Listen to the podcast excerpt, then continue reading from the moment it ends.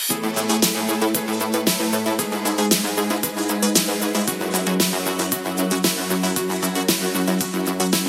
och välkommen till ytterligare ett avsnitt av Popmusiks podcast. Jag heter Johan Lexed och sitter idag i mitt vardagsrum tillsammans med Reindeer, a.k.a.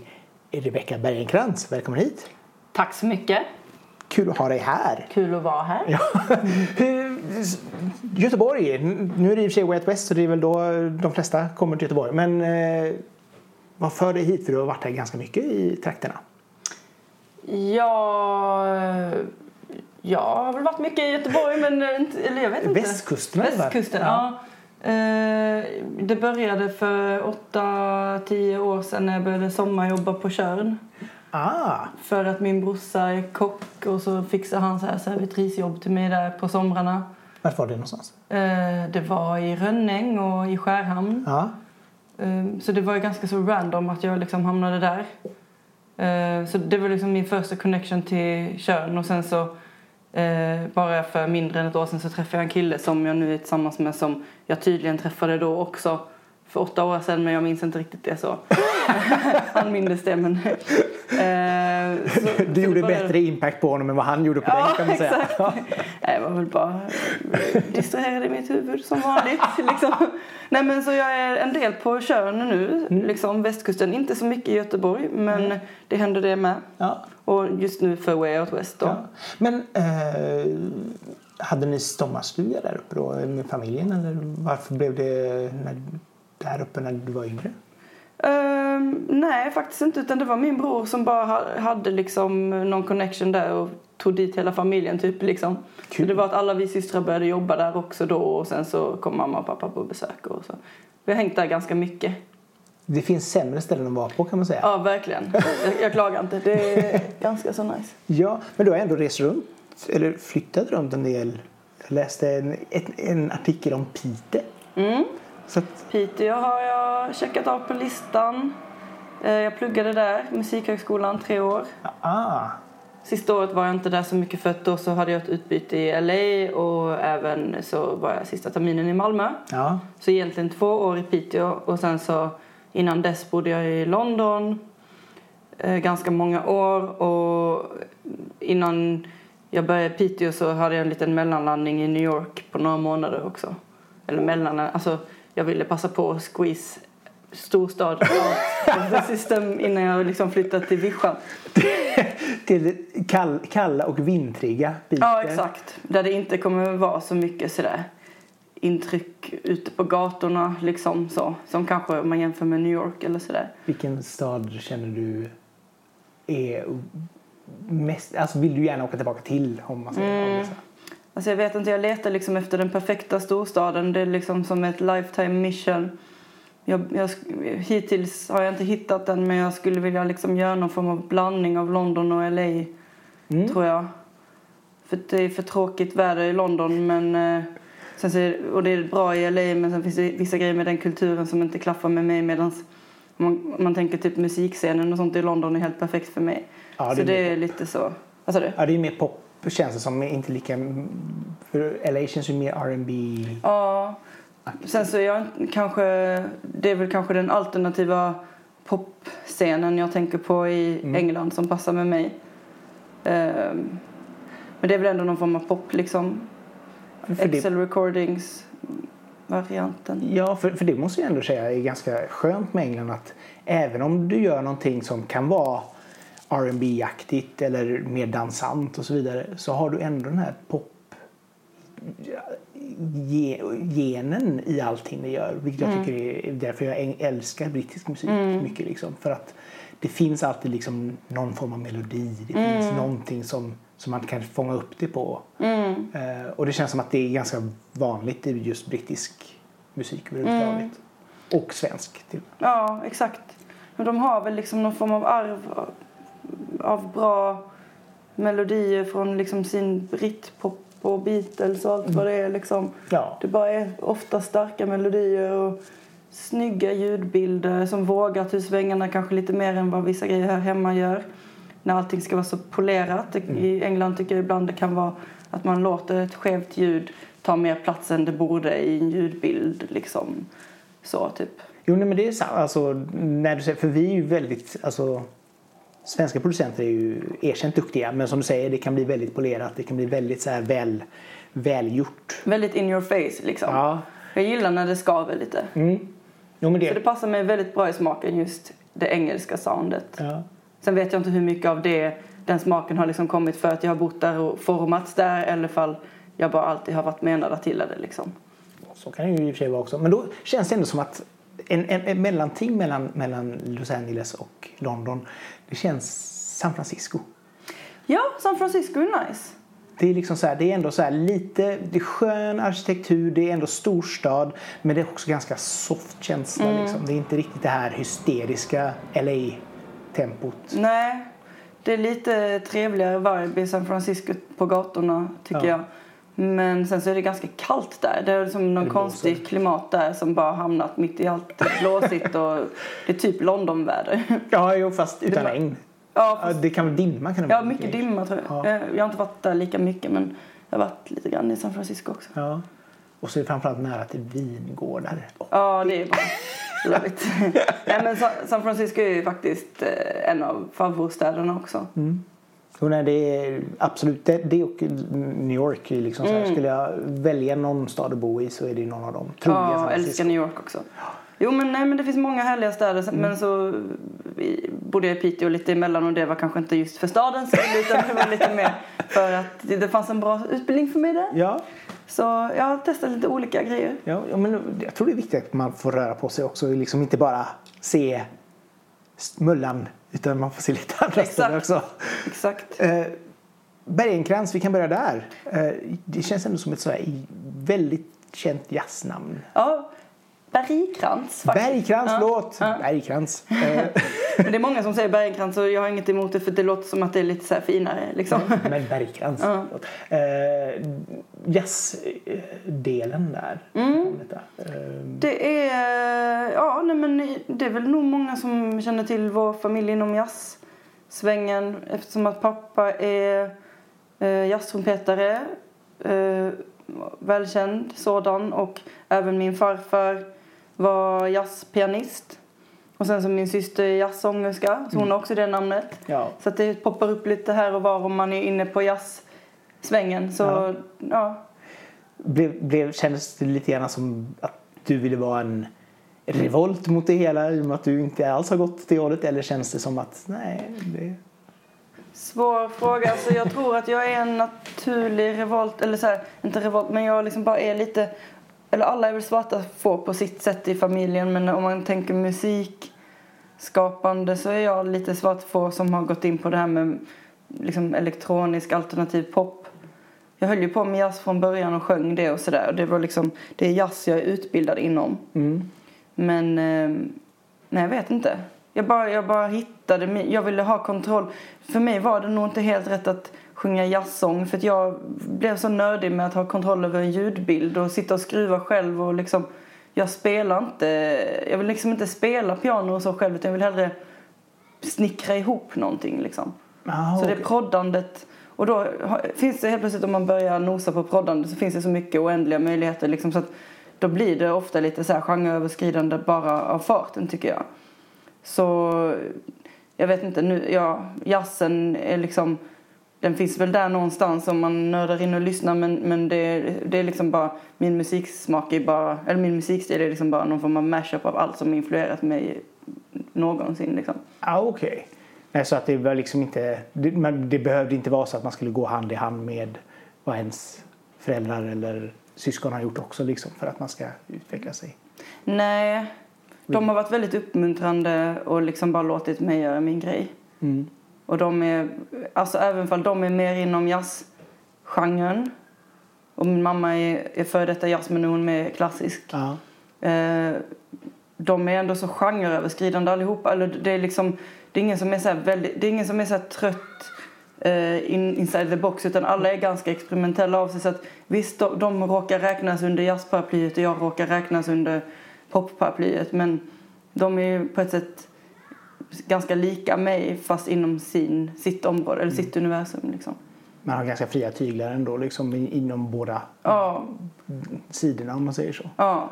Jo men verkligen. De Ja. nosar också liksom på ny mark hela tiden. Ja, och allting behöver liksom inte låta Bill Evans eller Waltz for, Waltz for Debbie. Nej, exakt. Eller liksom, utan man kan försöka hitta ny, nya uttrycks, uttryckssätt. Ja, exakt. Ja, så jag har liksom ibland spelat med min pappa och tagit med mig någon cool elektronisk röstpedal och han har spelat trumpet genom någon, genom någon cool pedal. Liksom, alltså vi försöker oftast så här, utforska nya grejer allihopa. Det är liksom inte så mycket sådär en, en given mall liksom så utan.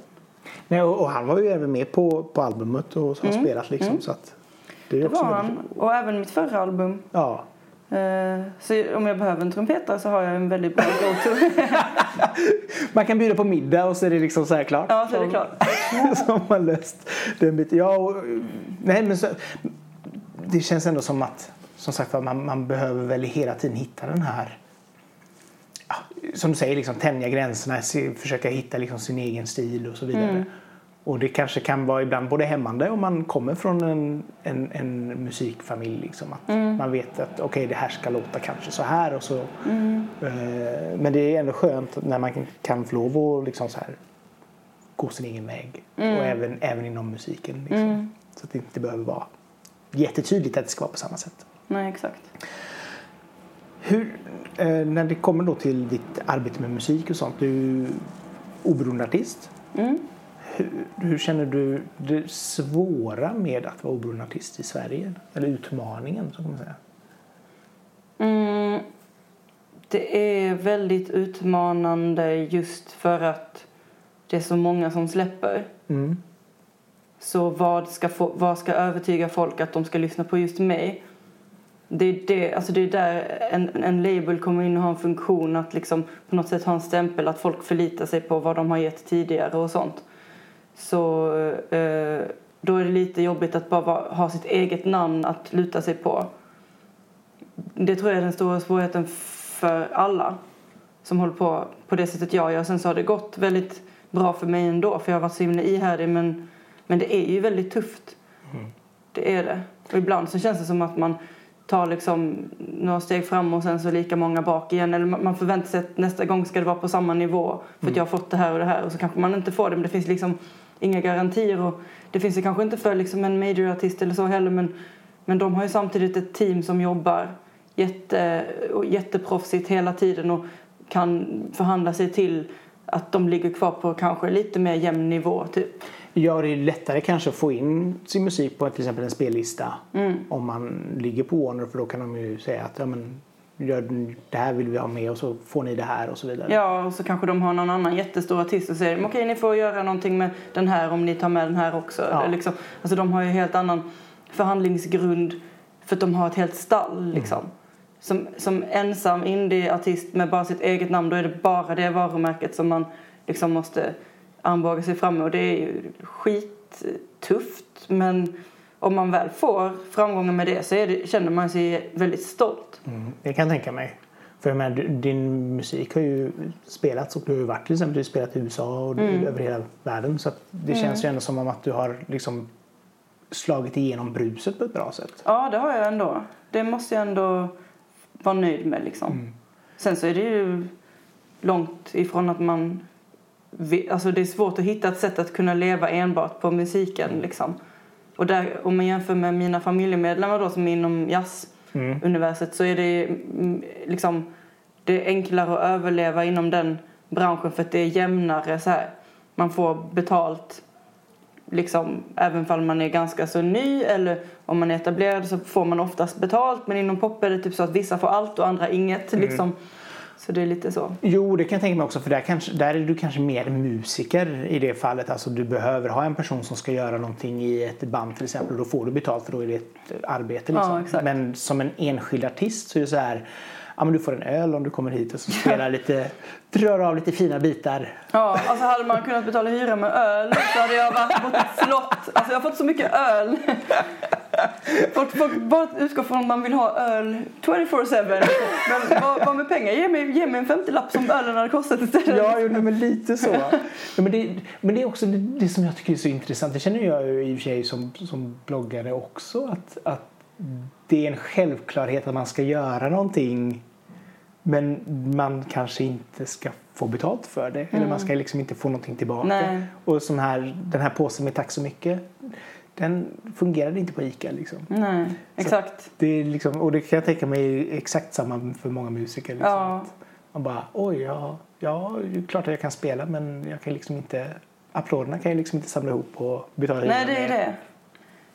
Det är det. Och man har ju ofta lagt lika mycket engagemang och tid som någon som jobbar med ett så att säga vanligt jobb. Liksom. Jag har ju utbildat mig och lagt allt jag har, tagit studielån precis som alla andra. Liksom. Eh, eller inte alla andra, men ja, du fattar. Ja, ja, Eh, och, och, som studerar. ja. och sen så finns det liksom inga garantier efter det överhuvudtaget. Det är knepigt. Ja, men det är lite grann så. Alltså, för jag menar, det, det kanske är för att det är lite så abstrakt. Musik finns inte. Alltså visst, det är klart det finns på skiva eller det finns på Spotify. Men det finns inte som en tavla.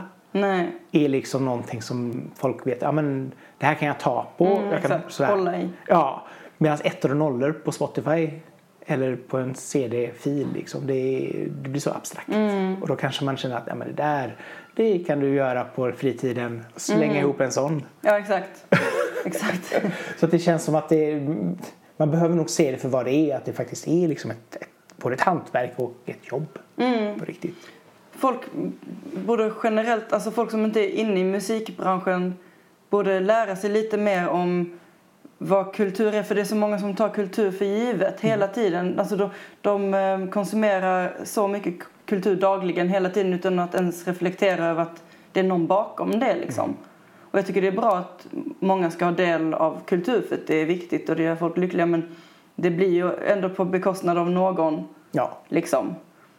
Det är en väldigt, eh, det är en väldigt eh, svår debatt liksom men, eh, men jag vet inte, det är kämpigt. Det, är- och det känns som att det oftast är artisterna som är längst ner i skalan. Det är de som får liksom lida mest. För det finns ju en massa så folk som kan jobba med alla möjliga grejer inom musikbranschen och då blir det liksom att artisterna betalar dem och dem och dem och dem och sen så till sist är det de som är panka fast det är de som har gjort musiken. Ja, men lite så. Och heter du Håkan Hellström så får du ändå liksom ditt VIP-kort till mm. Way Out West. Eller du får ändå liksom det här och det här och det här gratis. För att de bara, åh vi vill ha Håkan här. Ja, exakt.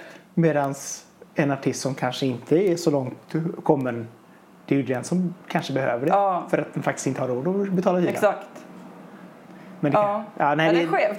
ja, det är en svår, svår, svår grej. Jag läste att du i, i, i en intervju i Gaffa eh, just det här att arbeta som hinder och just psykisk ohälsa. Mm. Eh, där du var inne på att det är ganska, eller att det är väldigt vanligt i, i branschen Mm. överhuvudtaget. Liksom. Eh, och att det känns som att det är en ganska... Att det inte folk riktigt kanske tänker på vilken både press det är som, som artist. Mm. Att både hålla upp sig själv och även då hålla upp ens egen sinne. Om man säger så. Eh, för, för den här eh, Diamonds in my chest handlar ju om depression sa du. Ja. Ja, men det gör den väl. Den, det, ibland så, så blir, blir de så luddiga, mina texter, att jag liksom glömmer vad de handlar. Det, det kan handla om en kombination av saker. Men jo, men där är väl liksom... Eh, det är väl eh, en metafor för eh, någonting som gör väldigt ont men som man inte kan sluta göra ändå för att det är liksom... Eh, ja, men diamanter, det är fint liksom. Alltså det, ja. Mm. Så det har väl att göra lite med depression och eh, åtrå och grejer. Eh, ja, men alltså psykisk eh, ohälsa är ju nog väldigt stort eh, i musikbranschen. Och som de nya undersökningarna visade, som Record Union gjorde, att framförallt bland independent-artister så är det typ så 73 procent som lider av det eh, relaterat till sitt musikskapande. Och det, för mig var det så himla skönt att läsa det för då kände jag mig inte ensam liksom. För att det har varit skitkämpigt, speciellt senaste liksom, två åren för att det är mycket enklare att vara debutant. Ja. Och folk fattar inte att en som kommer med en uppföljning behöver också stöd liksom. För, men det är så himla mycket svårare för då har man andra förväntningar. Folk vill liksom inte riktigt unna en comeback, samma, alltså jag vet inte, det som, ibland känns det nästan som en sån jantelagsgrej så att bara, åh vad kul att du håller på, men sen så när det börjar gå bättre så tror de att man klarar sig och man, man liksom, jag vet inte, man märker hur så här stöd faller bort från håll som man kanske hade hoppats på det från, alltså jag tänker typ så här, vissa vänner, allt möjligt och eh, alltså det är bara väldigt tufft att tampas med för att det är ju Alltså, man kanske inte kan förvänta sig så mycket av folk heller för att det är inte som att vi kommer att stötta dem på deras jobb varje dag. Liksom. Men, men jag vet liksom inte, det är bara så himla svårt att veta hur man ska må bra i det här liksom. Mm. För att det är, det är, man ger så jävla mycket och så eh, får man liksom inte samma tillbaka. Och jag ser det som att det blir obalans i energierna för man bara så här, ger allt man har, bara mm. så här, spyr ut allt man har och sen så behöver man, alltså online-grejen gör att det blir så skevt för att hade man stått på en scen så hade man känt energi tillbaka av musiken men online så blir det liksom bara som en så här ekande rum bara oh, någon? Jag har precis publicerat hela mitt liv här mm. eller här är min bebis jag lägger den på gatan, kör över den alltså så här, någonting det är liksom det, det blir så himla mycket obalans hela tiden med mm. energier och så blir, är man på så här highs liksom men så får man inte det tillbaka så blir det en kontrast att det blir väldigt man blir väldigt låg och det, alltså jag vet inte, det är någonting som jag inte har hittat svaret på än hur man ska göra det här på bästa sätt. Mm.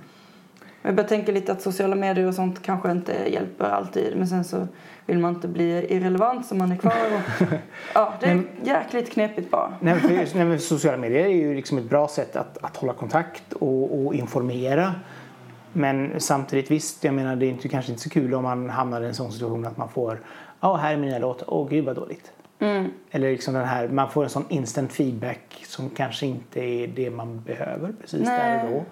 Det kan vara en sån grej. Eller också som, som du var inne på det här också med att har du, har du lyckats en gång så antar man att ja, men då, är, då har du ditt på det torra. Mm. Och att det är ju fortfarande, en, en artist är ju aldrig större än sin senaste släpp. Nej.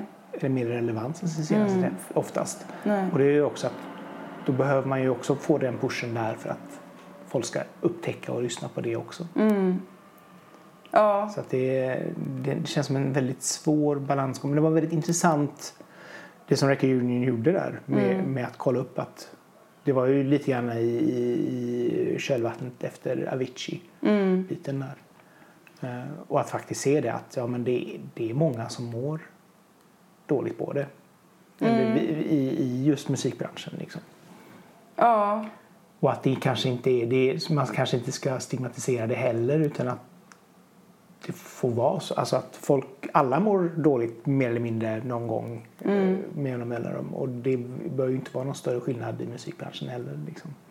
Nej, fast det vet fan. Nej, men det, alltså jag vet inte, jag bara tänker på, jag bara tänker på det här med liksom vad man ger jämfört med, eller alltså för så fort man bara får ett välbetalt jobb eller liksom någonting som känns att man är uppskattad då känns det mycket bättre men om man eh, år efter år liksom tänker att nu ger jag lite till för snart kommer det, liksom jag tippa över mm. den här tröskeln som behövs. Alltså, det är liksom hela tiden det som är målet. Och så börjar, börjar man inse att branschen liksom ser inte ut på det sättet för att jag förväntade mig kanske att jag från förra största framgång kan klättra därifrån och så får jag liksom inte det. Alltså, det blir, alltså det, det är ju väldigt svårt att förhålla sig till det. Och um, jag tänker att det kanske är lite exceptionellt just för musikbranschen, just för att musik är en så abstrakt grej att jobba med men det är fortfarande jobb bakom ja, som ja. någon har gjort. Och vem ska liksom uh, uppmärksamma det? Eller liksom, man, jag tror att man måste ändra lite synen på kultur hos liksom gemene man. Lite mm. så. Men är det viktigt? Är, är, är framgången i sig viktig? Ja, det är den väl tror jag för mig.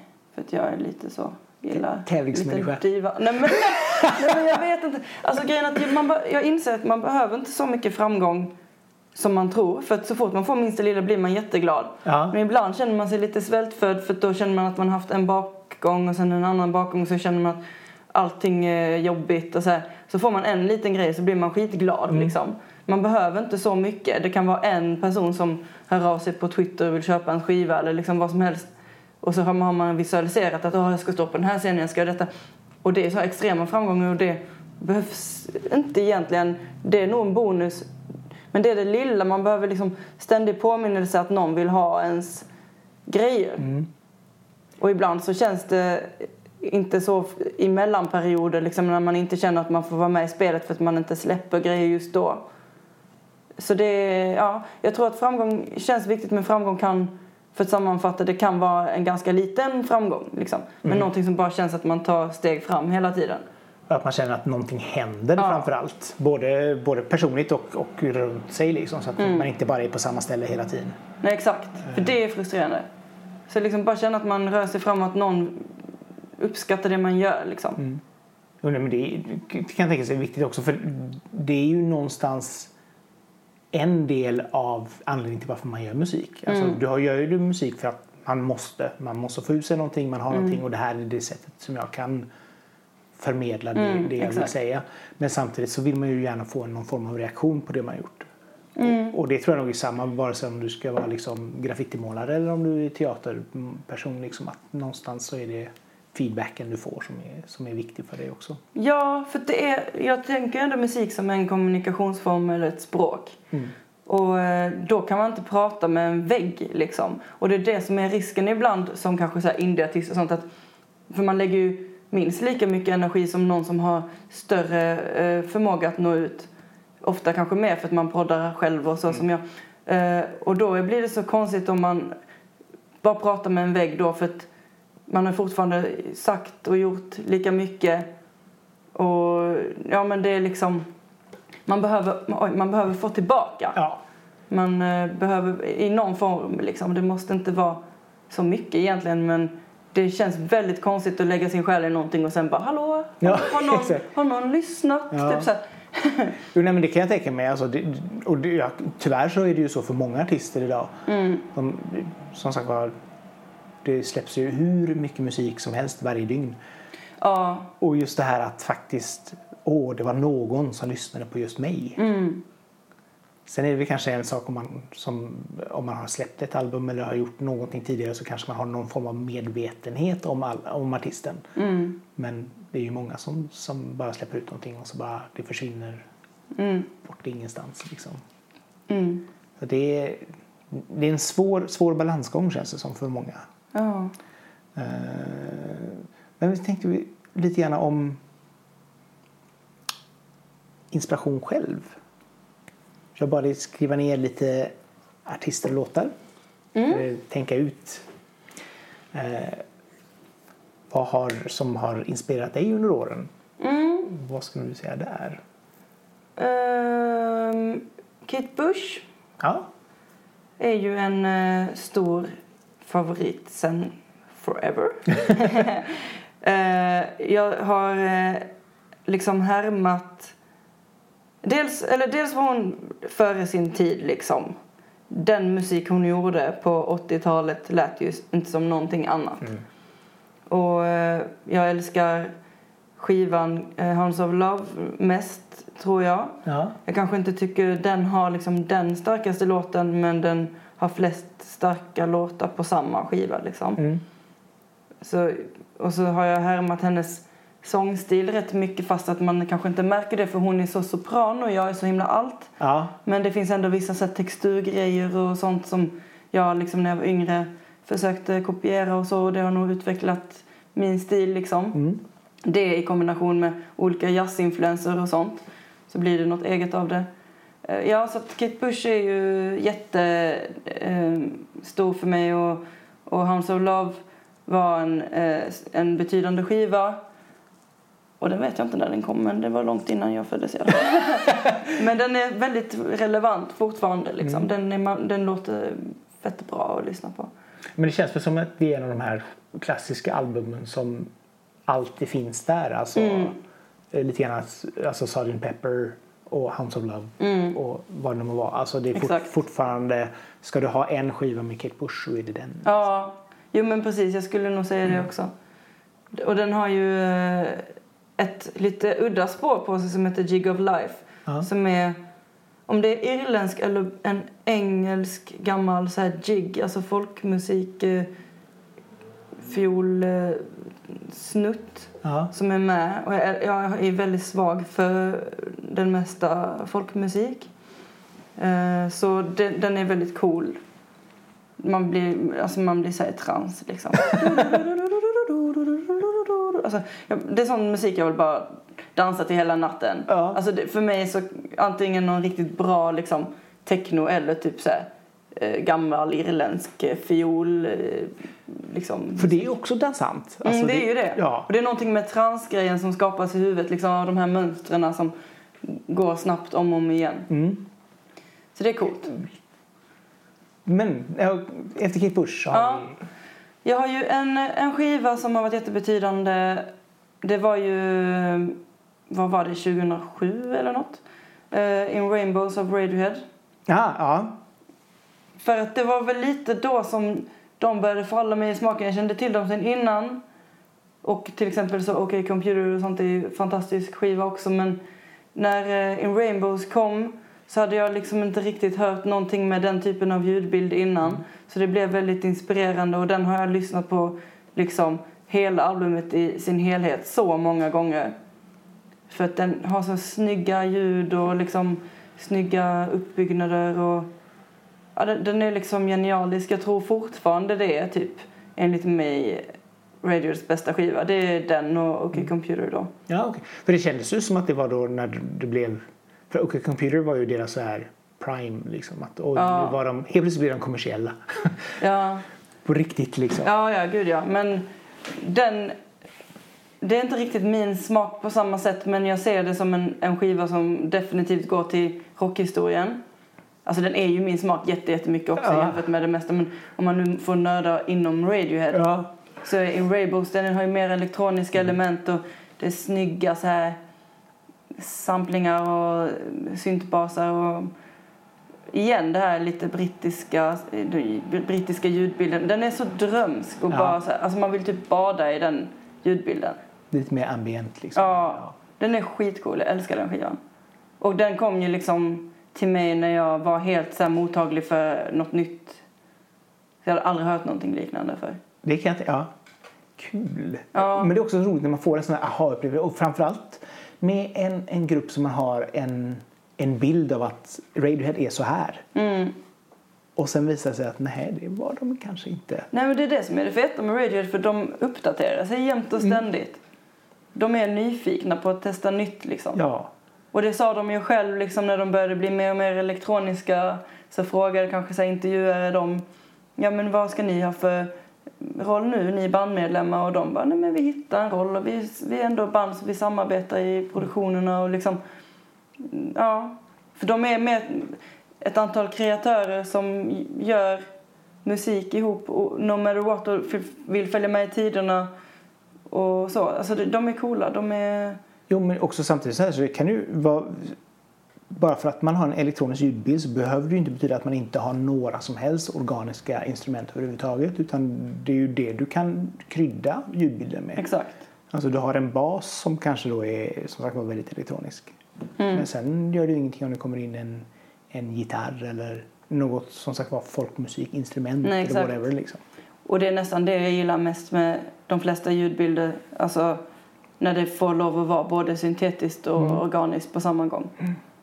Det, är så, det blir så härlig kontrast i huvudet liksom. Ja. Och det är, som till exempel Jamie XX som är en stor favorit också. Han gör ju det väldigt bra också. Mm. Och ja, The XX. Ja, precis. Du såg dem på Way Out West antar jag också? Nej, Nej. för jag har inte varit så jättemycket på Way Out West. Nej. Jag har aldrig sett The XX och inte Jamie XX heller, men jag har träffat honom. På, på Söderbiljarden på Söder.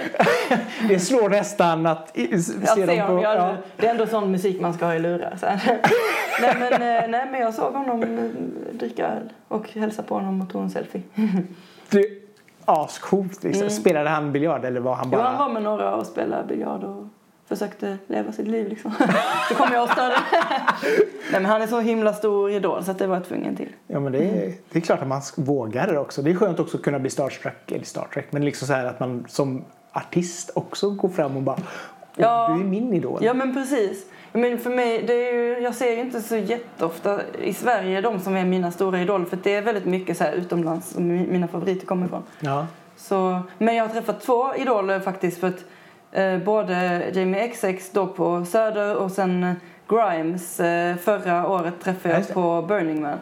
Eh, hon är också skitstor förebild. Jag älskar henne. Hon är typ den coolaste kvinnan på jorden. Så. Eh, så ja, nej, men jag, jag har tur. Jag vet vad man ska vara vid rätt tillfälle. Och hon har ju också varit en sån som har gjort en spännande utveckling som Mm. artist. Liksom. Så att, Verkligen. Men hon är så här... Ja, hon kan jag nästan ta som nästa eh, stora... Någon som har betytt my- mycket för att jag gillar hennes inställning till musik. Mm. Alltså, det är inte alltid att hennes faktiska låtar är de som jag smäller av på mest. Jag Nej. tycker de är fett bra men det finns annat jag kanske gillar ännu mer. Men hon har liksom en så lekfull inställning att hon bara testar att göra allt själv och kan hon inte spela något instrument så lär hon sig det och så spelar hon in det och så eh, alltså hon är bara så um, hungrig och det tycker jag hon är liksom inte så perfektionistisk utan hon är lite mer så här hon är lite mer så som jag också är att man bara så här, lägger in någonting som är lite så här omotiverat. Vi slänger in en liten konstig melodi där och sen fortsätter vi med vers igen. Så. Det är liksom lite, det är en härlig inställning tycker jag. Och hon har fått mig att bli lite mer sån också. När jag tittat på henne. Bara, aha, hon bara tyckte det var motiverat att göra så här fast att det är helt weird. Men Då gör jag också det. Eller Ja, liksom, Bryta regler. Exakt. Och hon bara så här, på sin senaste skiva hörde jag hur hon liksom hon spelar liksom fiol själv fast hon kan inte spela fiol så hon bara lägger en ton och så får hon liksom klicka runt den sen. Alltså, vet, hon, hon ser inte begränsningar och det, jag tycker det behövs fler som henne. Jo, men också, just det här också att man kan sitt, sitt yrke eller sitt craft i det här fallet så pass väl så att du kan göra det. Alltså du ska ta någonting och sen kan du liksom bygga från det här lilla lilla. Alltså MacGyver fast musik liksom. Exakt. Bara, Det är det som är en bra producent. ja, att man ska våga liksom och så testa sig fram och bara ja, det, vi gjorde så här och det blev konstigt men det blev väldigt bra. Mm, att- exakt. Efter Ja. Grimes då, vad har vi där? Ska vi se. Jag, Radiohead och... eh, Kate Bush och Kate- Grimes. Ehm, jag gillar eh, alltså betydande genom åren. Alltså just nu är väl, är väl också vissa grejer som är betydande om jag får ta någonting som är lite mer just nu. De spelar faktiskt på Way Out West, Marabou State. Ja. De eh, upptäckte jag förra året, eller i, vår, i vintras typ. Mm.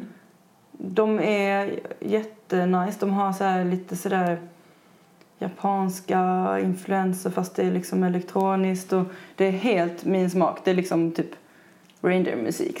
fast, fast de är liksom lite mer organiska än mig fast det är ändå elektroniskt. Ja. Också brittiskt. Och det är en duo och det är liksom mest instrumental musik med lite vokalhook så här. Men det är liksom inte så här vers, refräng, bla bla bla utan det är lite mer ja, instrumentala, Ja. dansaktiga låtar. Spännande. Vilken dag kör de? Jag minns inte om det var kanske lördag. Ja. Jag, jag måste se dem. Det är liksom en av dem som jag måste se. Ja. Och ehm, de, jag, jag gillar ju till exempel Odessa väldigt mycket också. Mm. Ja, de är bra. De har helt fantastiska ljudbilder men för mig kanske eh, Marabou State är lite åt Odessa-hållet fast lite mer organiskt. Mm. Så det kan jag gilla. Odessa kan ibland bli lite väl perfekt fast samtidigt så är det sjukt fett. Mm. Eh, så att Odessa är också en, en stor influens. Eh, vad har vi mer? Alltså Beatles, Jaha. Självklart. Ja, det är ju pop. Ja. Fader, men, ja. Ja, exakt. Men jag har ju sjungit mycket Beatles-låtar liksom när jag var liten. Och, alltså, de har alltid hängt med. Min pappa är jättestort Beatles-fan. Jag älskar White Album Mm. med liksom låtar som Dear Prudence. Eh, nu kommer jag inte på alla som är på den, men man, ja, jättemycket Ja, bra där. Och så Abbey Road är ju också skitbra. Den har så bra flow i låtarna. Det är ju, ja, det är så snygga, alltså jag älskar ju typ Paul McCartneys melodier Mm. liksom mer än det mesta. De är alltid så himla vackra. Men så liksom, jag vet inte hur han gör. De är bara så poetiska alltid Mm. liksom. Men det känns, det är ju verkligen Alltså så- definitionen av bra popmusik, Mm. Beatles. Det går liksom inte att komma ifrån. Även om man kanske tycker att ja, men det här var lätt dammigt. Mm. Så är det fortfarande liksom så här, bra melodier, det är bra arrangemang. Mm. Det är bra sånglåt. Alltså catchiga låtar som sätter sig med en gång. Liksom. Ja. Och de fick liksom vara så fria i sina arrangemang och bara testa nya grejer liksom på ett sätt som inte känns som att man får nu om man är på så stor... Alltså de var ju ändå listettor. Alltså Ja, om man jämför liksom vad som är, är listettor nu så känns det som att det är mer än någon A&R som säger att nej nu får du förkorta det här introt, hooket måste komma Ja. snabbare, bla bla bla. Det finns så himla mycket regler. Och det gör ju att ingen kan vara fri konstnärligt med, medan Beatles det var innan folk hade börjat hålla på så, så de kunde göra jätteflummiga arr och bara så här, Ja. ja vi tar den där grejen baklänges nu. Då fick man ju klippa i rullband liksom. Alltså det var helt, eh, det var, det var liksom en, de, jag tror att de kom på helt perfekt tid i historien för att då fanns det möjlighet för dem att få lov att ta plats. För hade de kommit nu så hade det inte varit samma sak. Nej, nej, nej. Och samtidigt också så har du popmusik då var ju tre minuter liksom. Mm. Alltså snabbt in, snabbt ut, hej och hå. Liksom, nu kan du ha ett intro som är tre minuter. Mm. För att, och så känner vi för att vi ska ha det så. Men ska du ligga på, spelas på radio nu så är ju liksom ett super kon, alltså konceptet radiospelning överhuvudtaget. Liksom så här, tre minuter och 40 sekunder, inte en minut över det. Liksom. Nej. Och sen känns det som att folk har anpassat inte bara till radio utan till spellistor. Att det ska liksom, Ja, ja. alltså de ska helst vara så här samma ljudbild. Om man lyssnar på New Music Friday kan jag ibland tycka, liksom, ja, ibland är det nice grejer också såklart. Men mycket är så samma, att man inte ska bli överraskad från Mm. låt till låt. Att det ska bara flyta ihop så här liksom. Så blir man helt så här, oj. Alltså, jag vet inte. Ja, men det är väldigt så här, Riks FM-anpassat. Liksom. Ja. Du ska inte byta kanal utan du ska så här, har, du, har du startat med Ed Sheeran så ska det kännas som det är Ed Sheeran det hela kännas? tiden. Ska det vara? För att folk tål inte surprises eller något. Jag fattar inte. Det är ändå konst vi håller på med. Det är ju skitkonstigt att, att det har blivit så. Ja, alltså, Det ska vara så homogent liksom. Men det borde ju vara hur, som det vill liksom. Ja, framförallt, alltså det, det får ju gärna vara kommersiellt, det gillar Ja. ju jag. Och det får gärna vara liksom hookigt och bra melodi. Men det behöver liksom inte vara samma. Nej. För det är liksom så att det känner jag när jag går igenom musik dagligen liksom till bloggen att det är så mycket som är bra, absolut. Men det är så mycket som är samma. Och har man hört samma låt liksom 20 gånger, även om det är olika sångare varje gång, så blir det så här, mm, ja, ja det, det går liksom inte hela vägen ändå. Nej men det, precis, det kan vara bra men så blir det samma låt om och om igen. Ja, Liksom. jo, men det är ingen som vågar sticka ut liksom. Nej, det är ju sorgligt men det är ju... Det är väl så tiderna är nu liksom. Alltså, man märker väl... Det är ju massa vindar runt om i hela samhället. Det är lite hårdare liksom. Ja, det också. Absolut. Hårdare klimat. Men samtidigt också det att det ska vara som du säger, liksom, så här, stöpt för en spellista, stöpt för Rix FM, Mm. stöpt för det här och det här. Alltså, Det känns som folk är livrädda för att någon ska byta kanal eller att någon Mm. ska tycka någonting är dåligt för då stänger man ner helt. För jag menar, en låt är ju oftast tre till en halv minuter. Mm. Visst, jag är inte någon som tycker om till exempel hiphop eller rap. Mm. Men jag kan överleva en låt på tre minuter med rap Mm. om det kommer någonting bättre efteråt. Men det känns som att, att, att folk inte klarar av det heller. Liksom. Att bara, och det ska vara precis så som jag alltid vill att det ska vara. Ja. Otåligt eh, sammanhang nu för tiden. Ja, men lite så. Ja. Det är lite synd. Men ja, nej. Vad, vad känner du förresten själv med, som, som producent? Mm. Alltså, hur känner du att du vill utveckla dig där och kunna... Ja, det, det är väl en bra fråga för att eh, jag känner att jag alltid har alla idéer och så tänker man att det här ska bli världens bästa låt när man jobbar med den och sen så när man är klar så vissa är man mer nöjd med och vissa känner man att man inte riktigt fick till. Eh, Men det är väl bara att utvecklas, alltså det är så oändligt att eh, jobba med att prodda. Det finns så jäkla mycket att lära sig hela tiden. Mm. Så jag tror att mitt nästa fokus är att lära mig mixa bättre. För det känns som att det har jag alltid sett som att nej, men det lämnar jag på mix senare. Liksom. Mm. Men man mixar ju så himla mycket i skapandeprocessen också när man gör elektronisk musik. För det är ju ändå att man sitter och skruvar fram sina ljud själv och så. Och då tänker jag att jag kan lika gärna bli ännu bättre på att mixa liksom. Ja. Alltså, Ja, så att jag, kan göra det själv. ja exakt. För man är ju redan där och håller på och nosar hur mycket som helst. Alltså jag, om jag skickar till en mixer så har jag ändå alltid alla mina pluggar och sånt på. Ja. Det är inte som att jag skickar torra spår. Nej, Så exakt. jag har ju redan gjort så himla mycket av jobbet själv. Så, så det är väl eh, liksom regelrätt mixning, eller slutmixning snarare. Det kommer vara mitt nästa fokus tror jag. Mm. Och sen så kanske typ testa lite andra stilar. För nu, jag har ju liksom gjort mest reindeer-grejer genom åren men sen så har jag börjat få lite proddjobb åt andra. Och det känns väldigt kul. Och liksom som en hoppfull grej, apropå det här med att överleva i musikbranschen, att då kan jag ta producentjobb men då känner jag att jag måste vara lite bredare, att jag ska kunna göra något lite mer så här, åt kommersiella hållet och, och lite sådär. Och jobba med typ någon annans röst för att jag är så van att jobba med min egen men liksom sångröster är så himla olika så. Men det, för det känns ju som att det är någonting som, som skivbranschen lite gärna skriker efter kvinnliga producenter. Mm. Och det är ju jätteroligt om, om du vill axla det och, och jobba mer så. Att inte bara liksom så här att gör jag musik så är det jag. Utan att, Göra åt andra. ja. Ja, men gud ja. Det de, jag kan axla det. Hörni, musikbranschen. Nej, men ja, det är därför jag ska till Way Out West i, imorgon också. Jag ska vara i den här eh, Equalizer pop-up-studion som pot, eh, Spotify anordnar. Ja, just det. Mm. Bara för att visa folk som går förbi att det finns minsann kvinnliga producenter. Men vad, vad är det, alltså varför har det blivit så här? Nej men just det här att, att det kommer fram mer och mer kvinnliga producenter. Har, har, du, har du känt att det har varit liksom någon sån här att nej, men det ska bara vara män som gör det? Eller är det liksom så här, det har bara inte blivit så? Eller det har inte, alltså, Alltså, varför tror du det börjar komma fram mer nu? ja, alltså en bra grej med Stockholm där jag bor är att det finns ett antal nätverk som jag är med i som jobbar väldigt, väldigt bra eh, med just jämställdhetsfrågor.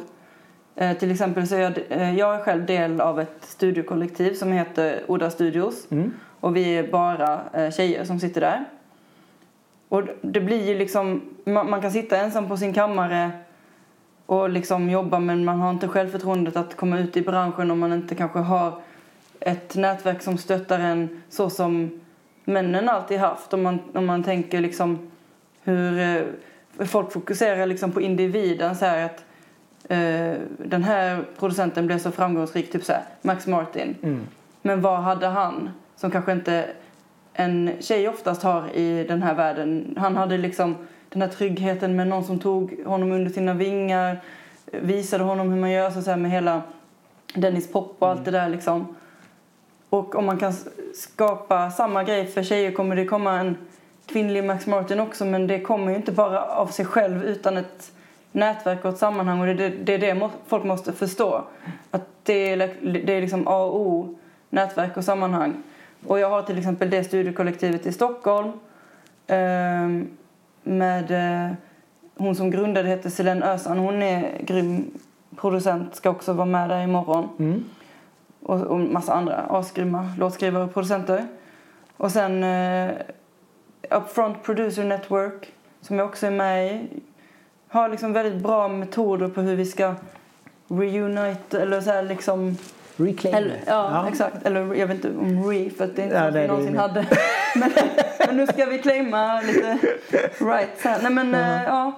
Det, alltså det är sjukt hur bra det funkar för det har liksom stärkt mig så himla mycket Skönt. av att få vara med i de sammanhangen. Och så popkollo, jag vet inte om du känner Ja, till men jag har jobbat med popkollo fast för vuxna på deras producentutbildning. Vem Mm. kan bli producent? Det är också så här, det har varit livsavgörande för mig liksom, hur jag har kunnat själv utvecklas. Så det är, det, jag tror att faktiskt de här grejerna börjar märkas nu. För de som har fått lov att frodas lite i de här sammanhangen, de börjar nu ta sig ut och få fetare och fetare jobb och det syns. Som liksom Selene då till exempel som proddade en av Mir- Miriam Bryans senaste singlar. Så här. Eh, man, man ser mer och mer av mina så här, kvinnliga kollegor liksom komma ut och få lite jobb. Och så skriker branschen samtidigt efter det för att folk har upplyst om att det måste ändras. Ja. Så eh, ja, det är en spännande tid. För jag, nu så jobbar jag ju jättemycket med att lära den yngre generationens killar att prodda. Jaha. Och så såg det inte ut när jag var i deras ålder. Jag jobbar med ungdomar när jag inte gör musik och då är det ju att jag sitter och hjälper liksom så 14-åriga killar och prodda i Ableton. Kul. Och det känns alltid väldigt fett för jag bara, ah, tiderna har ändå ändrats. Mm. Nu, det, nu ser de upp till äldre tjejer liksom. Det Nej, men för, för det är ju också någonting som, nu ska man kanske inte generalisera men, men det känns ju ändå som om att av nya artister som kommer så börjar det mer och mer bli att det är just de kvinnliga artisterna som både sticker ut mer, som vågar ta mer plats, som känns mer intressanta och framförallt gör bättre låtar. Så att det känns ju som om att det, det, det är ett skifte, ganska kraftigt skifte från den här Ja men han, en kille med gitarr eller liksom att det ska vara någon EDM-snubbe med eh, på, från, eh, vad heter det, från Stureplan som, som ska göra någonting. Liksom. Utan att det faktiskt kommer fram fler och fler kvinnor som tar plats. Vilket är jätteroligt. Ja, nej men, nej men det märks i tiderna nu och det var liksom på tiden eller så. Ja, nej, men, och just det här också att, att ni då har de här, att det kommer upp nätverk som du säger, känner, säger liksom det här att man behöver ha någonting att bli peppad av och falla tillbaka på liksom. Och att man kan bli stöttad av varandra. Det är ju jätteviktigt. Liksom. Ja, vi är ju ändå... Alltså, musikdokumentärer och sånt får det alltid framstå som att det var ett enskilt geni som tog sig fram. Så här, men det, vi är ju hela tiden movements och flockdjur. Liksom, så att vi, det går inte att få fram en kvinnlig stjärnproducent utan att hon har den här tryggheten från något form av sammanhang. Ja. Och det är det som folk måste inse. Det är, och, alltså samma med de här enskilda genierna i, som kommer liksom fram. De kom fram för att tiderna såg ut så just då och det movementet. De var kanske många som var och nosade om att få den platsen. Det var det en som liksom trillade över tröskeln liksom. Det är så det funkar. Och det är oftast tillfälligheterna som gör, Ja, som gör det. Liksom. Exakt. Så att det är jätteviktigt. Hur tror du det kommer till att utveckla sig här nu då? Eller hur vill du själv liksom kunna utveckla musik-Sverige till att bli ännu bättre och ännu mer, jag, skulle vilja säga feministiskt. Ja, alltså jag, jag känner att vi är på väldigt god väg, eh, även om det är såklart långt kvar. Men just de framsteg som eh, kommit ur så här, popkollor och sådant. Mm. De har ju någon form av eh, stadgar att om inte det är 50-50 innan år 2052 eller vad det är Mm. så ger de upp. Så fram tills dess så tänker jag att man bara kämpar på med, på den här metoden. Eller ja, de säger ge upp eller testa något nytt. Ja, Eh, Men, men jag tror på de här me- metoderna som jag har fått ta del av. Sen om någon annan har ett annat förslag så kan de go ahead. Alltså så här, Ja. Ibland så jobbar folk för samma sak men på olika sätt. Liksom. Men jag tänker att jämställdheten den ska vi uppnå. Sen så tänker jag att musikbranschen i Sverige skulle vara nice om den blev lite mer indie. För att vi har inte så jättemycket coola indiebolag i Sverige om man jämför med till exempel UK och så. Nej. Det är väldigt major-inriktat. Och eh, det är ändå ofta från indiehållet det kommer mer intressanta grejer och sådär så att om folk kan för det handlar om vad folk ser som kredit och om folk kan börja liksom jag vet inte fokusera lite på indie-grejer så tror jag det hade gjort mycket för liksom konsten. Sen tror jag nog inte att, alltså rent tekniskt så behöver du inte ha ett bolag i ryggen för att ge ut någonting. Det blir Nej. lättare, absolut. Alltså du har personer som kan få in det på Spotify spellistor och Sommarkrysset och vad det nu må vara. Men- för att det ska synas. Men, men, men det känns liksom inte som att det är det nödvändiga för din utveckling att ligga Nej. på ett majorbolag. Och jag tycker det är så konstigt att, för kollar vi just nu Sony Music till exempel, de dammsuger ju branschen efter nya artister som de signar upp till sig. Och Också intressant att, att det har börjat vända liksom att storbolagen börjar ta upp mer och mer artister Ja, igen. ja.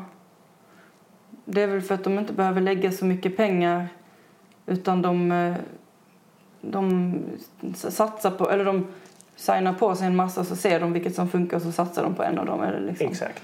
För man behöver inte trycka upp fysiska skivor så det kostar ju liksom knappt någonting att släppa digitalt. Nej, nej, och sen har du ju också den biten att, jag menar, signar du upp en ny artist idag så, som har släppt en låt och som de har jobbat lite grann. Jag menar, ja, du tar som skivbolag 85 procent och så Mm. får de andra 15 och så Mm. är du nöjd. Mm, exakt. Så att det blir ju pengar in. Ja.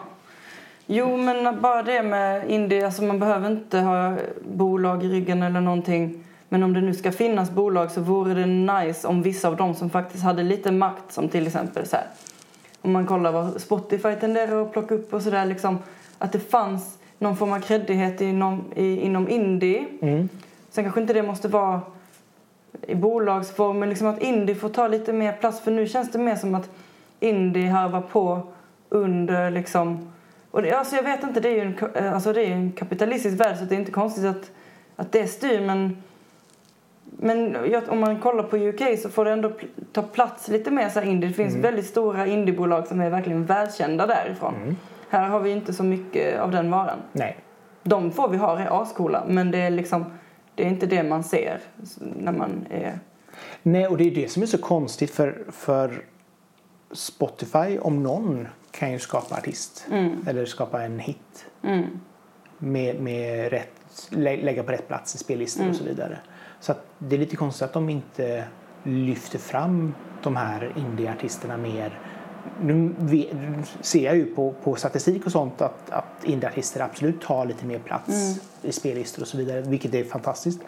Men det känns som att man skulle kunna göra så mycket mer för att verkligen lyfta fram och breaka indieartister Mm. och göra dem riktigt stora utan att man ska behöva gå via Warner eller Sony. Eller vad det Precis. var. För jag menar, jag kommer ihåg när jag jobbade i skivbutik liksom för hundra år sedan att eh, vi, skulle ju, vi kunde ju verkligen breaka en artist i den butiken.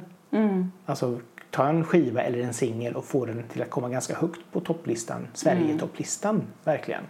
Eh, och sen så började det då spilla över på andra butiker och så kom det högt upp, ännu högre på topplistorna. Och det är ju samma sak här, att här har du en butik, vilket Spotify är. De måste ju liksom lyfta fram det de tycker är bra och verkligen pusha för det. Så att inte alltså, de 20 första låtarna bara är in, eller majorbolag liksom Nej, på spellista. Så det finns nog ganska mycket där som de skulle kunna göra för att hjälpa till också för att lyfta fram. Mm. Ja, men de är ju ett företag precis som många andra och de kommer väl bry sig om det som liksom är mest kommersiellt gångbart eller så. Det är därför som man måste ändra inställningen hos folk tror jag. Eller, liksom att det, det borde skapas mer intresse för lite mer alternativa grejer. Att, för ibland så vet folk inte vad de gillar för att de inte blir serverade något annat. De kan ha mycket mer bred musiksmak än vad de själv vet. För att de kollar liksom på det som radion ger dem eller som kanske New Music Friday ger men så kanske de egentligen är mycket mer öppna än så. Ja. Det är inte så att varendaste människa på det här jordklotet bara gillar kommersiell pop liksom. Nej, nej, nej. All, alla gillar inte Ed Sheeran och, och Adele liksom. Så att, du, att folk borde alltså folk borde vara lite mer som såna här som söker upp lite obskyra grejer. Eller så som jag själv är. För jag kollar alltid in grejer på typ så Soundcloud, så här weirda grejer som ingen har hört talas om. Mm. Men det, är- också det som jag tror är svårt. För, för jag menar, vet du inte vart du ska leta Nej, det är det. så, så är det svårt liksom. Det är ju så himla smidiga tjänster som, eller en tjänst som till exempel Spotify är och sådär. Så att det avlastar ju så himla mycket för folk. Ja, ja, ja. Och man går in och hittar en spellista och så klickar man på play och så kör man igenom och så that's it. Liksom. Så där behöver man ju också hitta, eller folk behöver vara mindre lata Mm, exakt. och bara vara öppen för, för mer saker. Liksom. Mm. Alltså, vi får se. Om vi går tillbaka till dig lite grann. Em, när det då gäller liksom så att jobba med, med musik, din egen musik och producera och så vidare. Hur var den största skillnaden för dig när du jobbade med Embers och Skies to my name? Hur var, hur var ditt, ditt vägagångssätt där? Hur förändrades det under den perioden? Mm. Alltså, Skies to my name var mer utspridd eh, och väldigt, väldigt mycket mer på mina egna axlar. Medan Embers gjorde jag lite i ett sjok.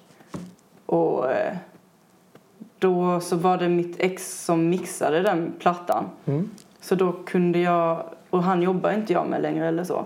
Men eh, då så var det, då kändes det liksom inte som att jag var så ensam i processen för då eh, kunde jag vara med i, liksom i mixningsarbetet och, och sådär. Medans eh, den här har jag liksom gjort så himla mycket själv och sen suttit och skickat över filer till en mixare i London och det blir så himla svårt att liksom eh, feedbacka för mycket via mail så man får nöja sig snabbare och hit och dit. Mm, Alltså, så det, det har väl varit mer att jag sitter själv i ett rum och mer utspritt liksom lite mer när jag hinner. Så att låtarna på den senaste plattan är ju liksom typ från när, när Embers eh, hade släppt det jag började skriva direkt efter det fram tills nu liksom. Ja, okej. Embers gjorde jag på typ så tre veckor. Kampade i studion. Förutom några singlar som släppte innan också. Ja, ja, ja. Men eh, ja, nej men det var olika processer. Ehm, jag är bättre producent nu. Så det var i alla fall skönt. Jag hade mer knep. Jag hade andra influenser. Liksom, det är väldigt kul att sitta och snickra ihop musik. Det, det är det man får komma ihåg sen att det är den resan som räknas. Liksom. Det var, så det var roligare på ett sätt att göra. Eller, alltså det var ju kämpigare att göra den senaste skivan. Men egentligen inte rent musikaliskt förutom att det var lite ensamt ibland. Men mer eh, det vi var inne på innan med så förväntningar och hit och dit. Mm. Liksom. Men, men, men kan det vara svårt att jobba själv? Alltså det här feedback, alltså när man mer eller mindre bara kan lita på sig själv. Liksom. Blir, det, blir det en belastning eller blir det... Eller har du många du, vänner du kan till exempel bolla med om du sätter ihop en låt och känner att... Ah, Ja men alltså jag är sådär, jag nej. nej. Jag, jag tror att ju- just i skapandeprocessen så har jag väldigt bra för, självförtroende. Alltså, Ja. det, det är inte, jag vet vad jag gillar och inte och det är inte många som får feedback utan snarare så visar jag till någon när det är klart mer av typ så skrytanledning typ såhär lyssna vad fin låt är." liksom inte så att jag vill ha någon feedback däremot på mix och sånt är jag väldigt intresserad av att höra vad folk tycker. Ibland även i proddstadiet men det är, inte, det är inte så vanligt att jag visar så tidigt eller så här, Nej, det är mer eller mindre färdiga grejer jag visar för folk. Ehm, förutom vissa så här, Ja. grejer så här, om någon råkar vara där eller så. Men, men det kanske jag borde ändra på för det kanske finns en massa. Men det känns som att det är liksom en helig stund. Och jag vill inte bli avbruten tills min idé är fullföljd liksom. För att jag hör, jag hör i huvudet hur det kommer bli. Och det kanske inte, om någon kommer in för tidigt och lyssnar så fattar ju inte de vad jag har tänkt mig egentligen. Så, ja. Nej, jag bara kör på. Nej, det, och det kan ju vara skönt det också, liksom det här. Men mm, att, att man har visionen, bilden liksom. Och så, sen får det bli lite gärna... Förhopp, förhoppningsvis så blir det ju bra. Alltså, den, det är ju så att man någonstans så vill man ju inte släppa ifrån sig något som man själv tycker är dåligt. Och tycker man själv att det är bra så ligger det väl förhoppningsvis några andra människor som känner likadant. Någon lär ju också prata. Någon på jordklotet. Ja, så det, det känns ju som att det kanske är lite... Ja, eh, just, men då blir det också, om, om du har gjort, jobbat så pass länge med, med albumet, då blir det väl också att kanske texter och innehåll blir kanske lite spretigare på det sättet att man, hit, man kanske ett år så känner man en sak och nästa år känner man någonting helt annat. Mm, verkligen. Det är ju, man, man, man skriver någon form av dagbok, någon form av kryptisk dagbok som blir texterna. Så de, men jag ser inte någon anledning till att det måste vara under en koncentrerad period utan jag ser det mer som att det här, det här handlar om de här åren. Liksom. Mm. Så var det, vad är det, tre år sedan jag började på den här skivan. Det, jag har inte jobbat så koncentrerat med den i tre år utan det har ju varit lite Nej, det förstår jag. Jag var inte ens, alltså jag hade typ ett år uppehåll. Jag gjorde typ en, en av låtarna som finns på skivan gjorde jag direkt efter Ember så den heter Worry Child. Sen så var jag typ tyst i ett år och hade ingen skaparlust alls och sen så fortsatte jag så, här. så det är inte som att jag har suttit i tre år och kämpat med skivan så. Hur hittar man tillbaka till skaparlusten om den inte finns där?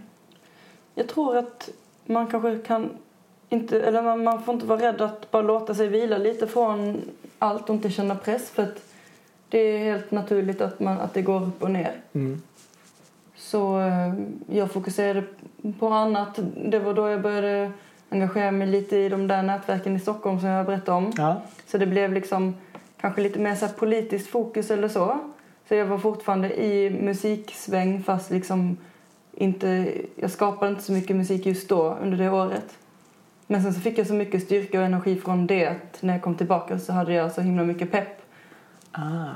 Ehm, Så det inspirerade liksom till fortsatt arbete Ja. liksom? Så gjorde jag Diamonds som blev liksom min comeback-låt som var liksom startskottet på den här skivan. Ja. Och den gick så himla bra, det var helt otroligt. Det, så jag trodde inte mina ögon. bara så här, för att vara indie, hur den bara nådde till så här top 50 viral i USA och sånt där liksom. Oj, Ja. Jätteroligt. Och jag har ingen connections dit, jag har ingen mailadress dit eller någonting sånt. Så ibland apropå det här med att det är lite korrupt och så, så ibland har man också flyt. Jo, men så är det ju. Alltså, helt plötsligt så har man, har man ju gjort den här låten som trillar igenom. Mm. Och det må vara liksom kanske en låt och sen händer det kanske ingenting. Men, men just här att man ändå känner att fan, det, det finns möjlighet. Ja, exakt. Bara få smaka på lite det. Ja. Det är inte helt stängda portar heller. Nej. Och det är viktigt också för branschen överhuvudtaget liksom att, att man ska kunna få en viral hit. Liksom. Mm. Ja, Man ska hitta, och oftast är ju det här man ska hamna i rätt blogg eller man ska, det ska vara rätt person som tipsar om den eller delar den och så vidare.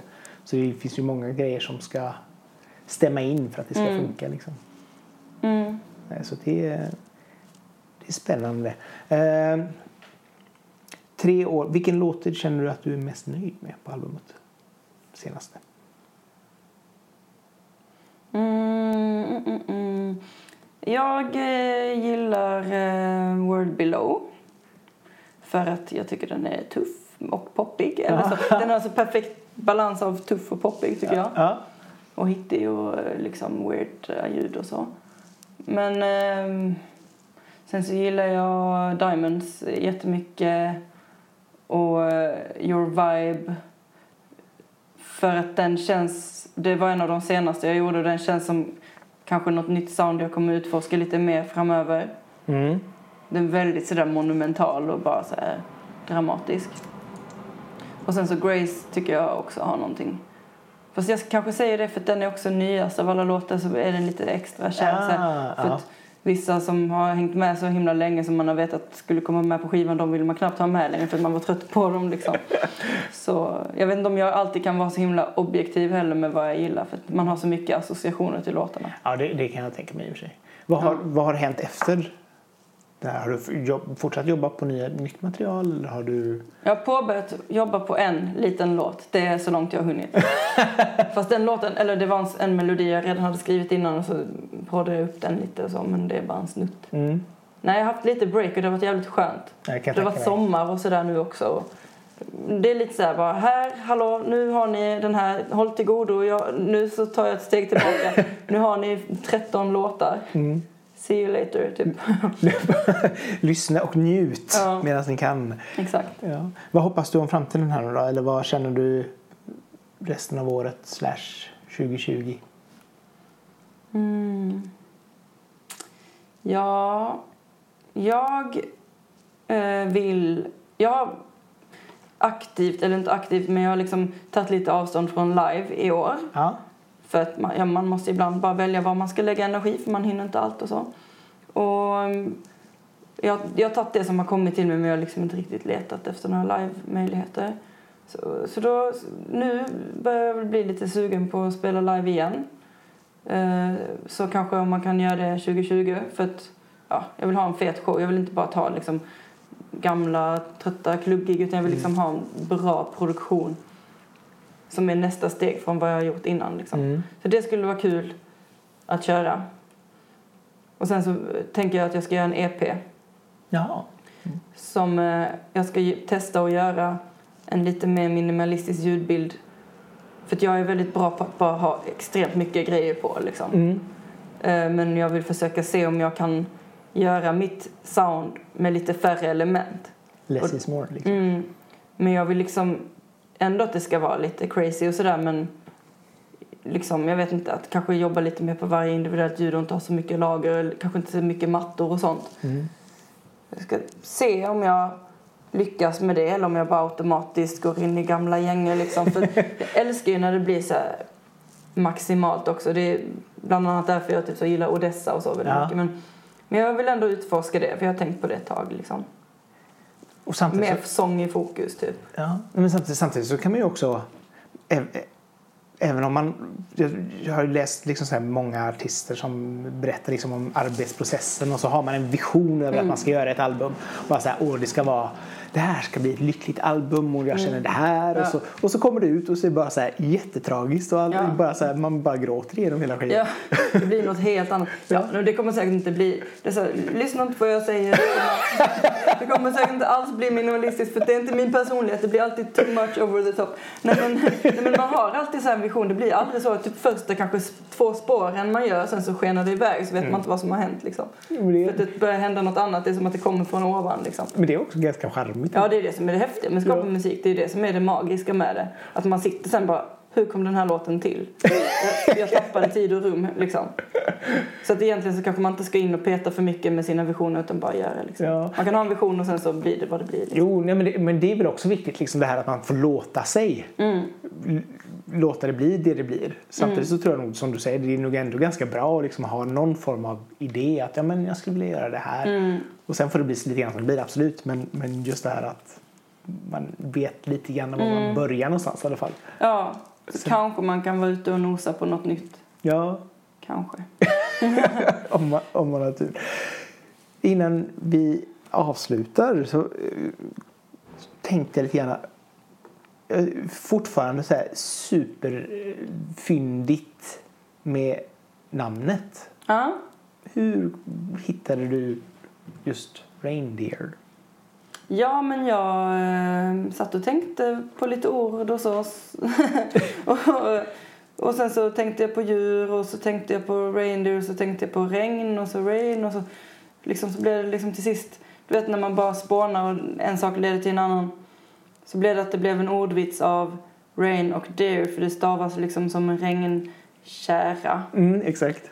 Eh, och då så tyckte jag det fanns en innebörd i det som var väldigt poetiskt för då blir det liksom att det är det musiken kan vara för en liksom.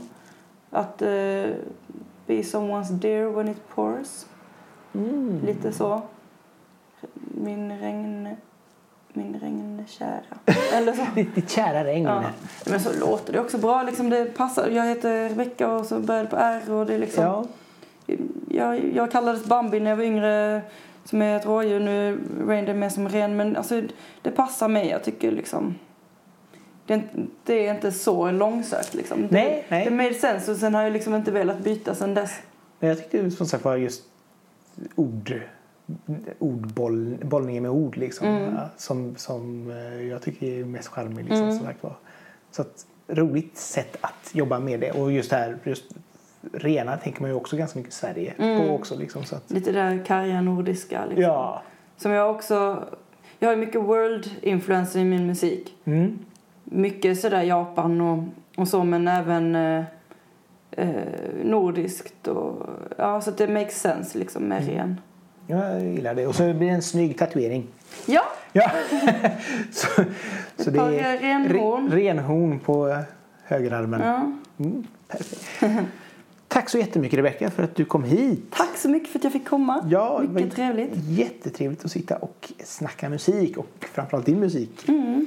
Eh, till er som har lyssnat, eller till dig som har lyssnat, får jag säga då i och med att man lyssnar oftast en och en. Mm. Hoppas det har varit lika trevligt för dig och som vanligt glöm inte prenumerera på podden så får du kommande avsnitt direkt ner i mobilen och så kan du upptäcka nya artister som får lov att prata ut över en kopp kaffe. Det är en bra sak. Sedan får du jättegärna dela avsnittet på sociala medier så att ännu fler kan hitta podden och framförallt lära sig mer om artisten. Så det är en win-win för alla. Så tack än en gång för att du har lyssnat och tack Rebecka. Tack! Och till er från oss, hej då!